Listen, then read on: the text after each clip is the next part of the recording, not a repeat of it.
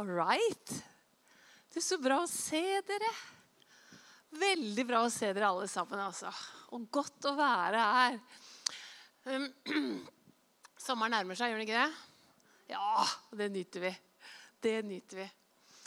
Eh, for en liten stund tilbake så reiste Rolf Inge opp på Meny på Flåtten for å kjøpe varm lunsj. Er det noen som har vært på Flåtten Meny før? Det ja, men det er det! For de har en så fantastisk god varmdisk der. Og der har du liksom kyllinglår, det er nystekte karbonader, det er lasagne, fløtegratinerte poteter. Og jeg skal stoppe der så ikke de begynner å rumle i magen på alle sammen. Men det er, det er masse godt, da. Eh, så han reiser dit opp ved lunsjtider, som sagt. Og når han kommer inn i, i butikken, så ser han jo at det, siden det er rundt tolvtida, så er det alle på en måte, arbeidere har jo bare De skal dit for å kjøpe lunsjen sin. Så det var jo kø foran varm, varmdisken. Og det han gjør, da, som han forteller meg etterpå, det han gjør, at han kommer inn Takk skal du ha, Isabel. Og så roper, så roper han 'Fus!' Så, og jeg tenkte 'Gjorde du?' Ja. Og så, og så, ser du liksom den gjengen, for de sto ikke akkurat pent i kø. De var bare liksom, hang litt over disken, og alle var førstemann. Og voksne mannfolk i liksom, sånne kjeledresser. De bare, Hvem er det som tror de skal liksom, foran i køen og bare rope 'fus', så kommer du forbi her? Men idet de ser at det er en annen voksen mann, da, så begynner de heldigvis å le. Og Rolf Inge humrer og ler og stiller seg bakerst. Og så kommer liksom festlige kommentarer fra forskjellige folk. Men, og så ser han det, alle ler jo, så ble det sånn morsom stemning. Bortsett fra ei hun så liksom bare akkurat som bare, Hæ? Og han visste hvem hun var. da. Og så sa hva er det for noe? Liksom, Kalte du hun dama ekspeditrisa for pus? Og da fikk jeg bare Nei, nei, nei, jeg sa ikke pus. Jeg sa fus. Og jeg skrev ikke 'Hei, pus, har du en karbonade til meg i dag?' Liksom, han driver ikke med sånn. Så jeg, jeg sa 'fus'. Jeg vil være først. Og bare Å ja, he-he. Det ble jo litt sånn hun av det. Å, kjære vene. Så i dag så skal jeg snakke om å høre, og høre riktig. Yes. Og vi skal begynne i første Samuels bok. Her kommer det opp på skjermen. vet du. Gutten Samuel tjente Herren under Elis tilsyn. Herrens ord var dyrt i de dager, men ingen, ingen syner brøt igjennom. Så var det en dag mens Eli lå i rommet sitt. Øynene hans hadde begynt å bli sløve, så han kunne ikke se. Guds lampe var ennå ikke sloknet, og Samuel lå i Herrens helligdom, hvor Guds ark Var det ikke et ord til her? Var. Der, ja! Godt dere følger med. Da ropte Herren på Samuel, og han sa, 'Ja, her er jeg.' Han løp til Eli og sa, 'Her er jeg, du ropte jo på meg.' Men Eli sa, 'Jeg ropte ikke.' Gå og legg deg igjen. Og han gikk og la seg, men Herren ropte enda en gang. Samuel! Og Samuel sto opp og gikk til Eli og sa, 'Her er jeg, du ropte jo på meg.' Men han sa, 'Jeg ropte ikke, sønnen min. Gå og legg deg igjen.' Samuel kjente, kjente ennå ikke Herren, for Herrens ord var ennå ikke åpenbart for ham. Da ropte Herren tredje gang, 'Samuel!' Og han sto opp og gikk til Eli og sa, 'Her er jeg! Du ropte jo på meg.' Da skjønte Eli at det var Herren som ropte på gutten. Og Eli sa til Samuel, 'Gå og legg deg.' Og blir det ropt på deg, så skal du si, 'Tal, Herre, din tjener hører.' Og Samuel gikk og la seg på plassen sin. Da kom Herren og stilte seg der og ropte nå som før. 'Samuel, Samuel!' Og Samuel sa, 'Tal, din tjener hører.'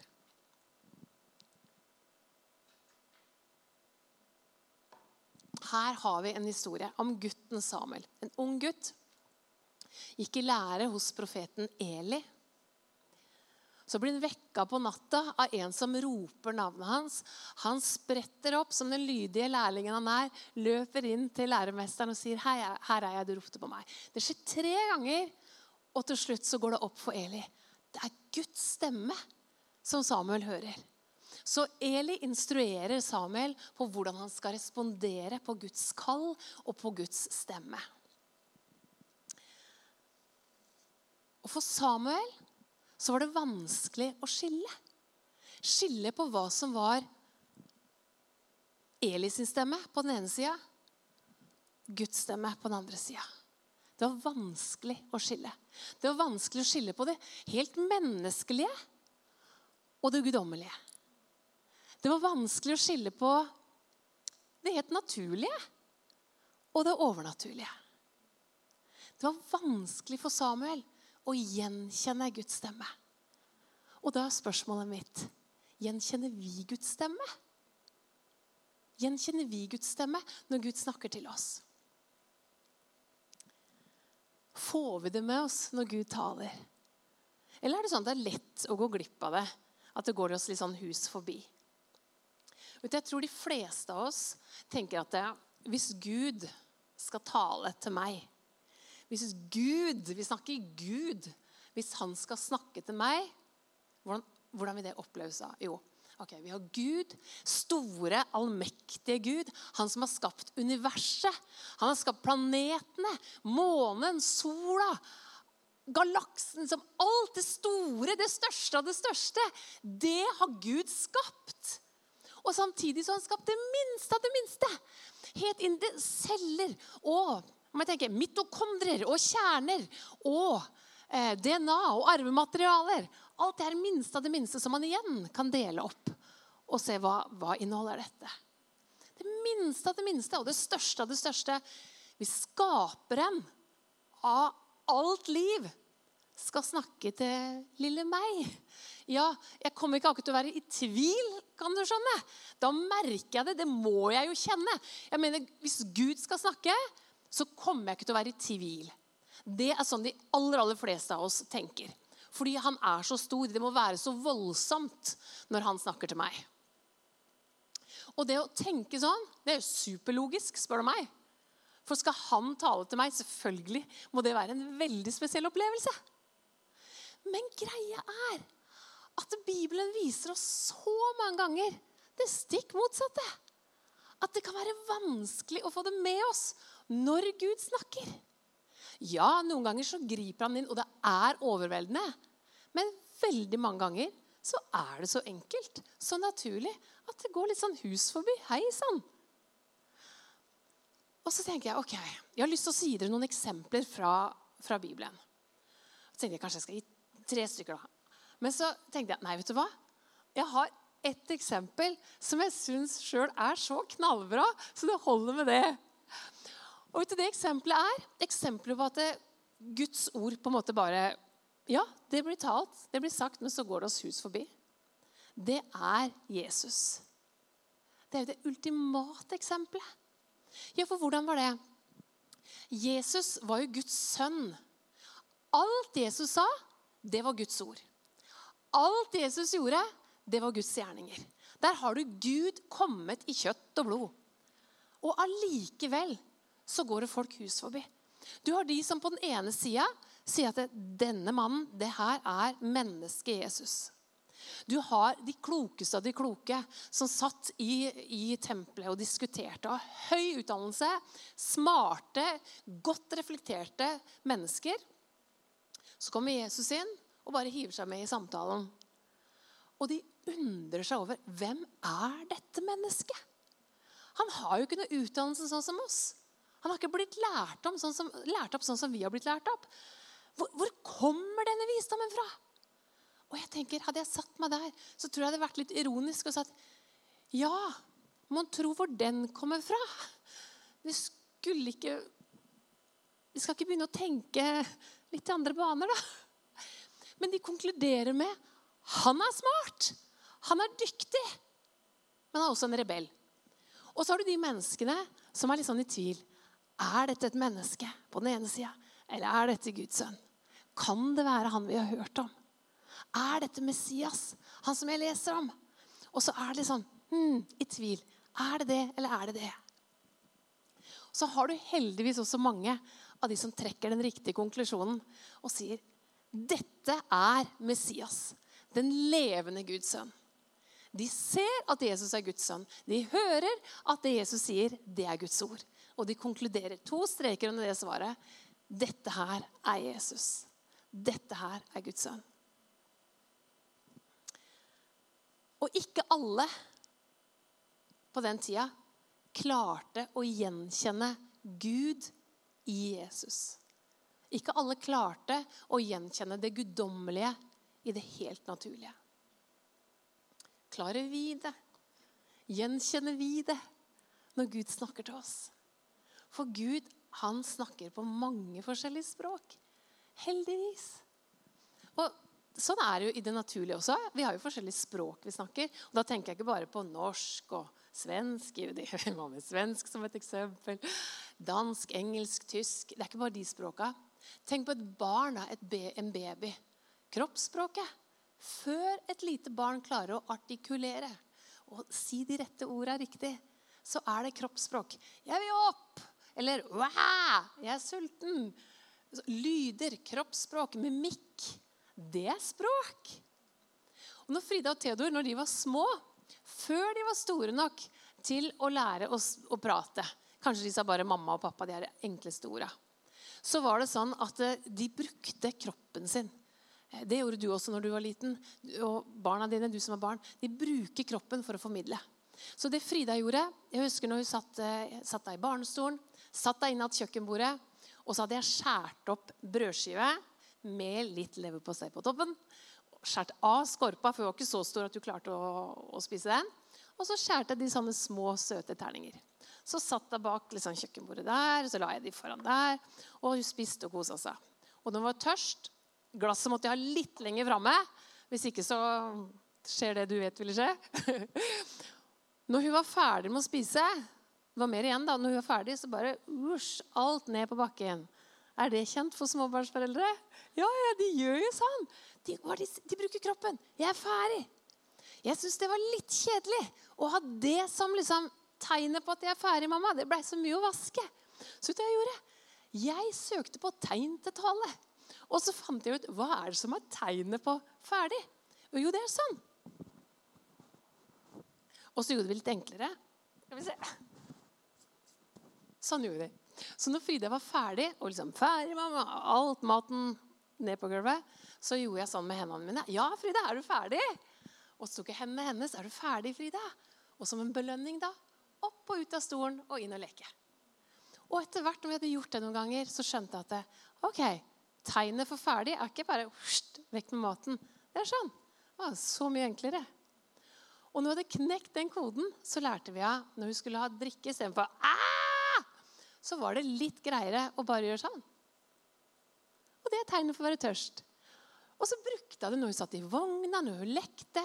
Så hadde hun plutselig et nytt språk som vi, vi syntes var veldig gøy da, å lære av tegn til tale. Så både hun og Frida liksom utvikla det her språket. Men så fort de lærte det norske ordet og klarte å si det, så bytta de det om. Så det var ikke sånn at det, at det forsinker liksom, språket og sånn videre. Tvert imot så gikk det veldig veldig fint. Og vi hadde veldig mye moro av det. da. Så vi har, vi har kroppsspråket, vi har mimikken, vi har skriftspråk. Og så har vi alle disse her utenlandske språka.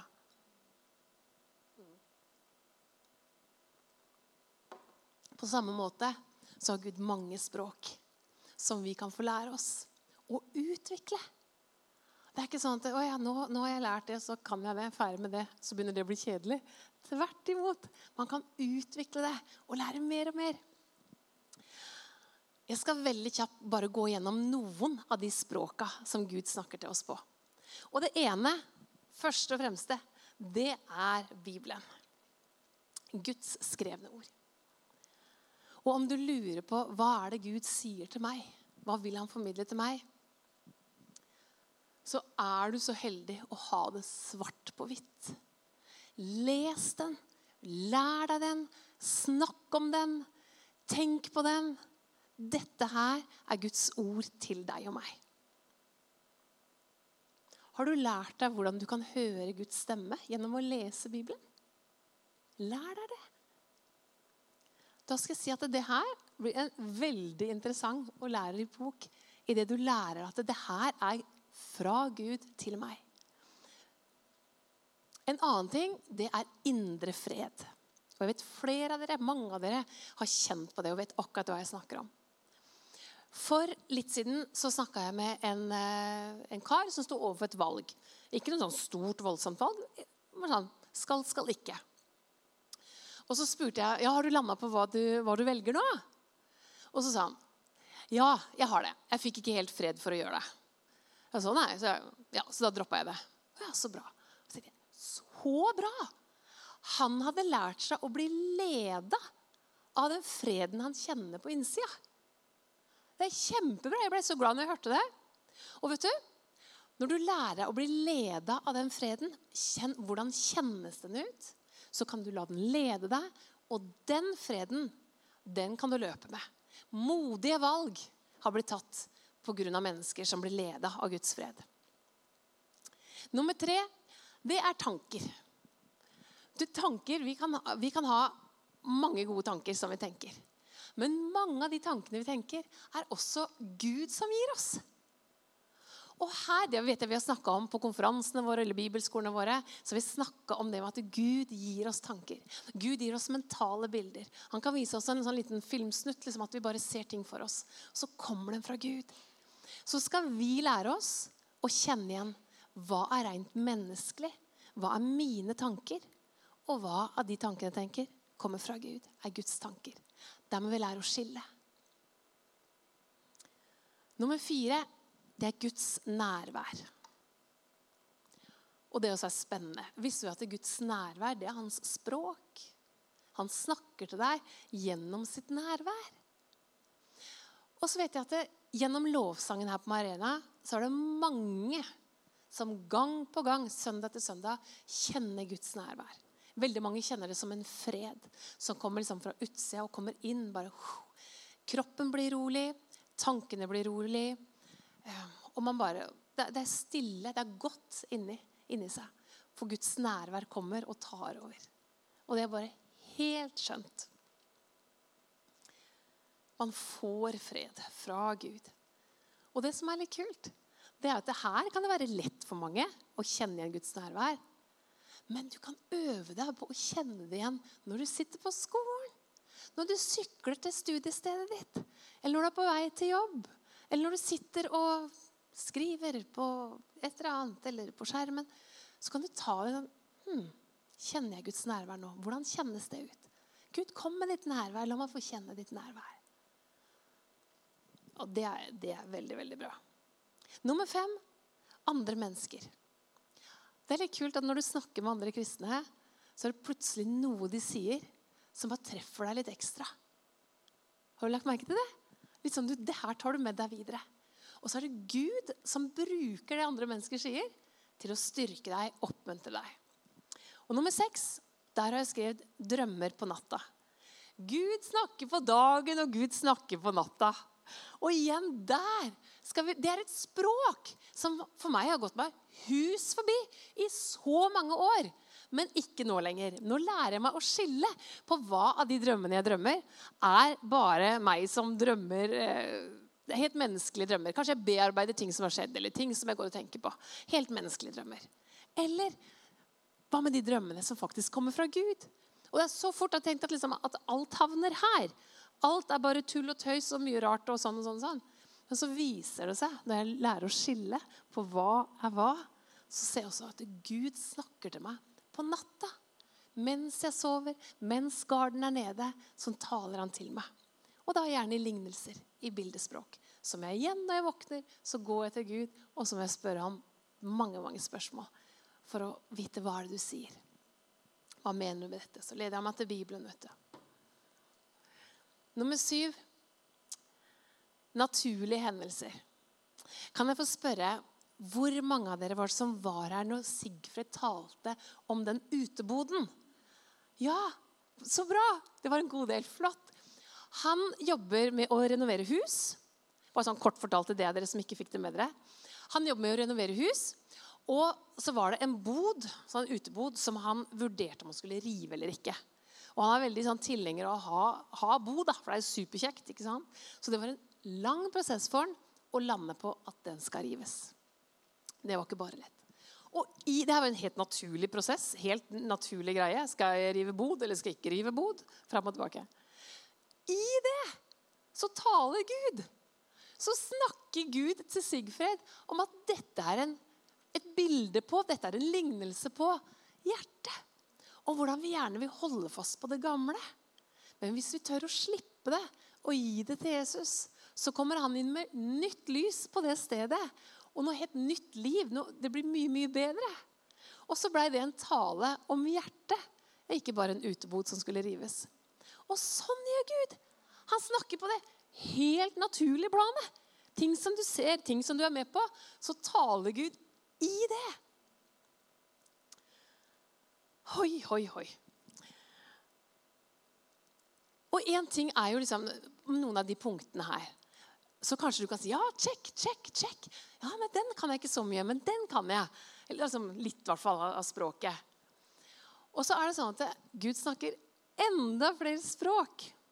Og jeg holder på å lære meg enda et språk. Har du lyst til å høre om det? Ja! Og hvis ikke du har lyst, så bare Så må du. Du er jo her. Du skal få med deg likevel. Nei da. Jeg skal fortelle en historie for deg. Det var sånn at når Rett etter nyttårsaften, noen dager etter nyttårsaften, så satte jeg meg ned i sofaen hjemme. Og så ba jeg til Gud for det året som lå foran. Og så stilte jeg han litt forskjellige spørsmål. Og så øvde jeg meg opp på å høre Guds stemme og få tanker fra han. Og så eh, var det ett spørsmål jeg stille, stilte som gikk noe sånn som Gud, hva, er det noe spesielt du ønsker å si til meg i det året som ligger foran nå. Og så følte jeg så klart at han minte meg om et bibelvers. Og det står i Markus 1,11. Det får vi opp her. Der står det Du er min sønn, den elskede. I deg har jeg min glede. Nå er det her en setning som Gud sa til Jesus. Men så følte jeg at han sa det også til meg. Du er min datter, den elskede. Oh, I deg har jeg min glede. Hæ? Og det sier han til deg også. Du er min sønn, du er min datter. Jeg har min glede i deg.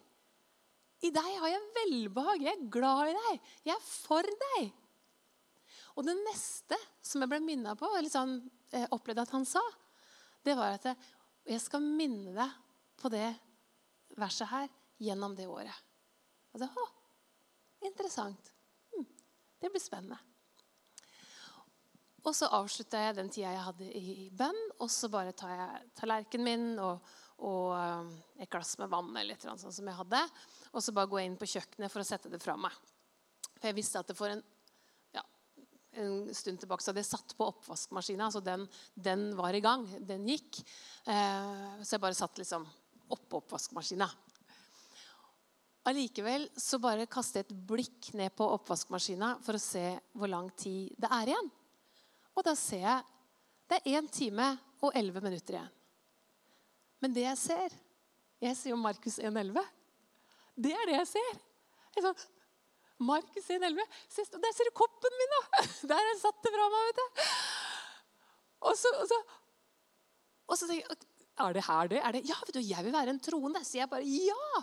Gud, takk! Så tar jeg noen sekunder og sier jeg, Gud, takk for at jeg er din datter, den elskede. Takk at du har velbehag i meg, at du er glad i meg. Og så går jeg videre og gjør andre ting.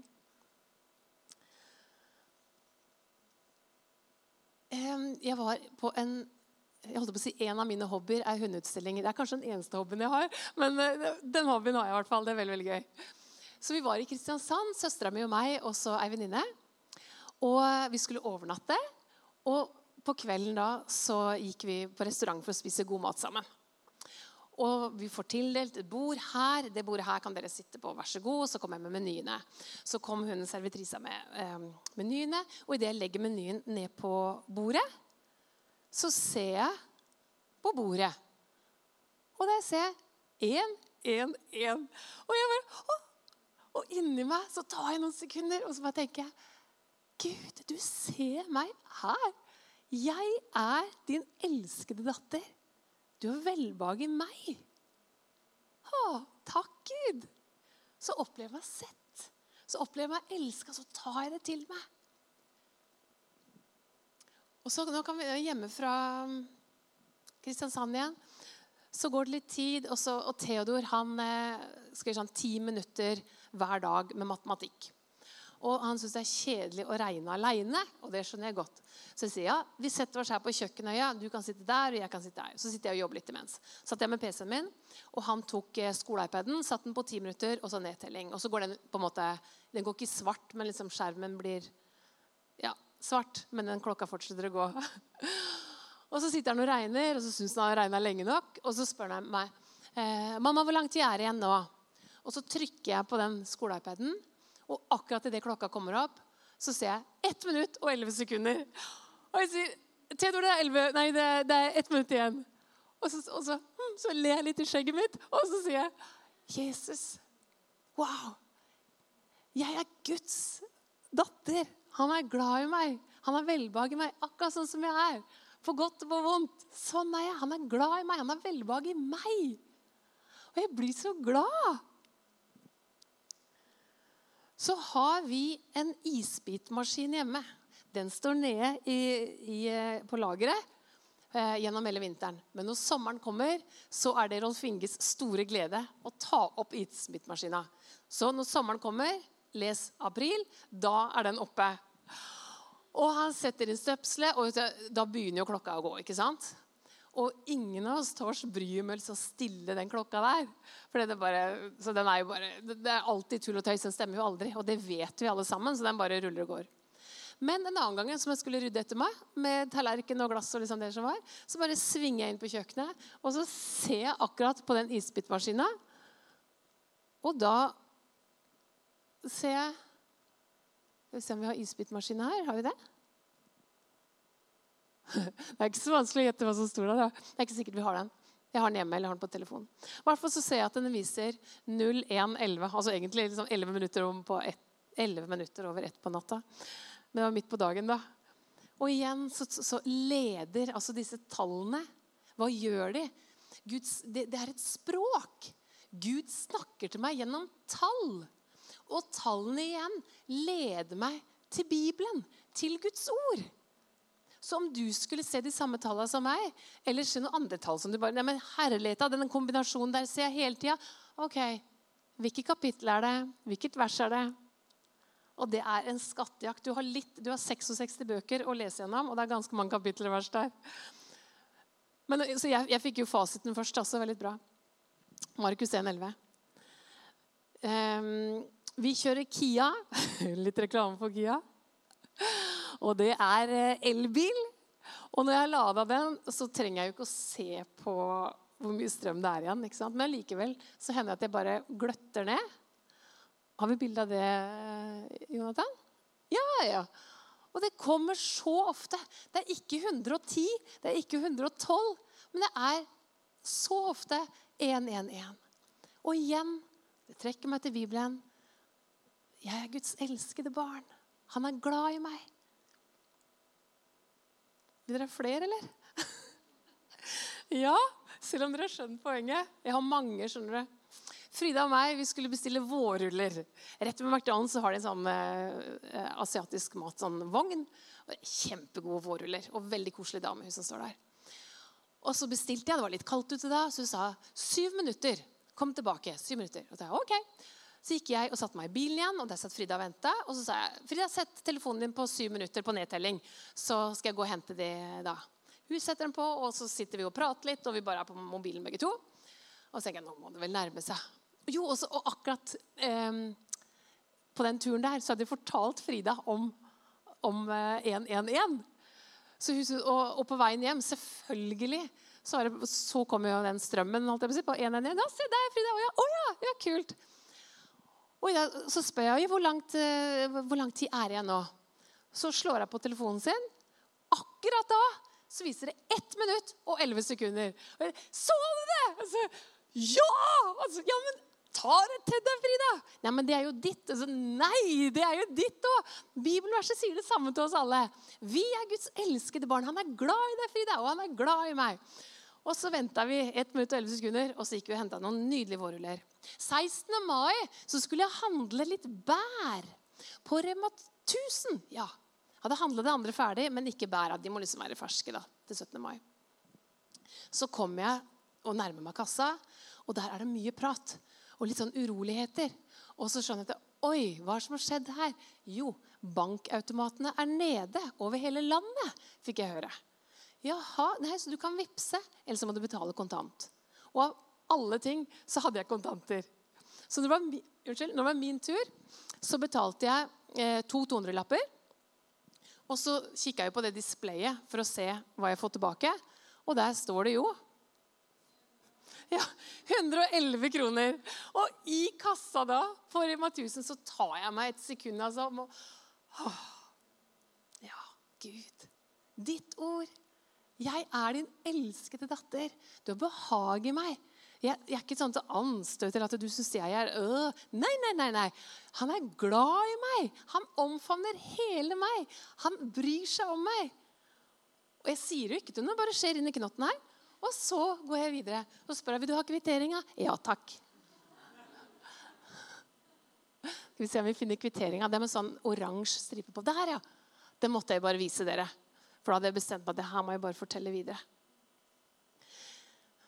Gud snakker til oss på ulike språk. Og nå er jeg bare halvveis i året, og jeg kan love deg at det blir flere av det. Hvorfor det? For han har sagt det. Han holder det han lover. Han skulle vise meg det gjennom hele året. Så jeg, er spent på hvilke andre sånn kreative steder han eh, vil snakke til meg om en en en på. Em, hver gang jeg ser det,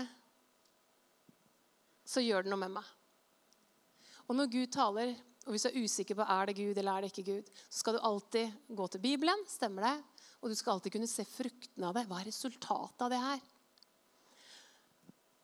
Jeg har skrevet ned hva det har gjort med meg. da. Markus 1,11 bygger identitet i meg som Guds barn. Jeg blir ikke stolt, jeg blir ikke hard i hjertet, men jeg blir styrka i hjertet. Jeg blir glad fordi han snakker til meg. Jeg blir trygg fordi jeg vet at han er med meg.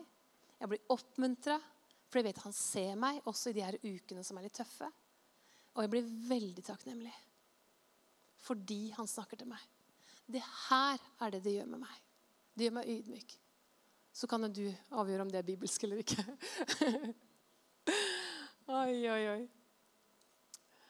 Um, kanskje du sier at det, det her er jo helt tilfeldig. Det her kan være helt tilfeldig. Helt naturlig. Og da sier jeg ja. Selvfølgelig. Selvfølgelig kan det det. Det kan være helt naturlig. Helt tilfeldig. Men så er det nettopp det som er poenget mitt i talen i dag. Å kunne skille. Hva er hva? For med Jesus også Det kunne være en helt klok, smart mann. Helt naturlig mann. Alt han sier, er kjempebra. Helt naturlig. Og så går man glipp av det guddommelige i det helt naturlige. Og det er her vi må lære å skille. Er det tilfeldig? Ja, Hvis det er tilfeldig, så er det tilfeldig. Da Da skal ikke vi legge noe mer i det. Her må vi kristne være modne nok til å, til å kunne skjelne. Skille hva er hva. Vær så snill. Vi må ikke gå i den grøfta og si at alt er tilfeldig. Alt er helt naturlig. Og vi må heller ikke gå i den grøfta og si at alt som skjer, er Gud. Det at den fuglen fløy akkurat da, hva sa han da? Nei, vet du hva? Det kanskje vi skal plassere over her. Men ikke la alt bli plassert i den bolken her. For noe er det Gud som taler gjennom noe helt naturlig. Og det er der vi må være modne, voksne troende, så vi skiller. Er dere med? Hva er hva? Ikke la oss gå i noen av, noen av de grøftene der.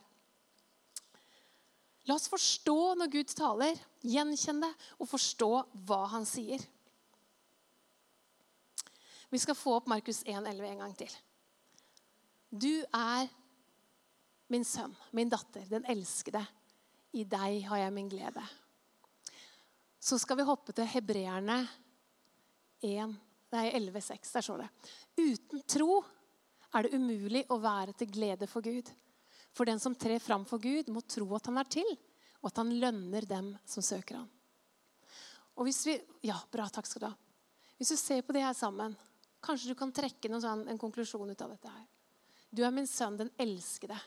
I deg har jeg min glede. Og uten tro er det umulig å være til glede for Gud. Gud elsker tro. Han elsker tro. Hvor du bare stoler på ham. Selv om du Jeg var jo litt der i begynnelsen. 1-1-1. Skal jeg, skal jeg ikke? Men jeg valgte nei. Jeg tror. Jeg er jo en troende. Det er jo selvfølgelig lett for meg å tro. Jeg tror Gud, at du taler til meg på den måten her. Og når Gud taler, uansett på hvilken måte han snakker til deg, så vil det alltid være et element av tro inni bildet. Lovsangerne, kan ikke dere komme opp? Nå skal jeg runde av med noen velvalgte ord.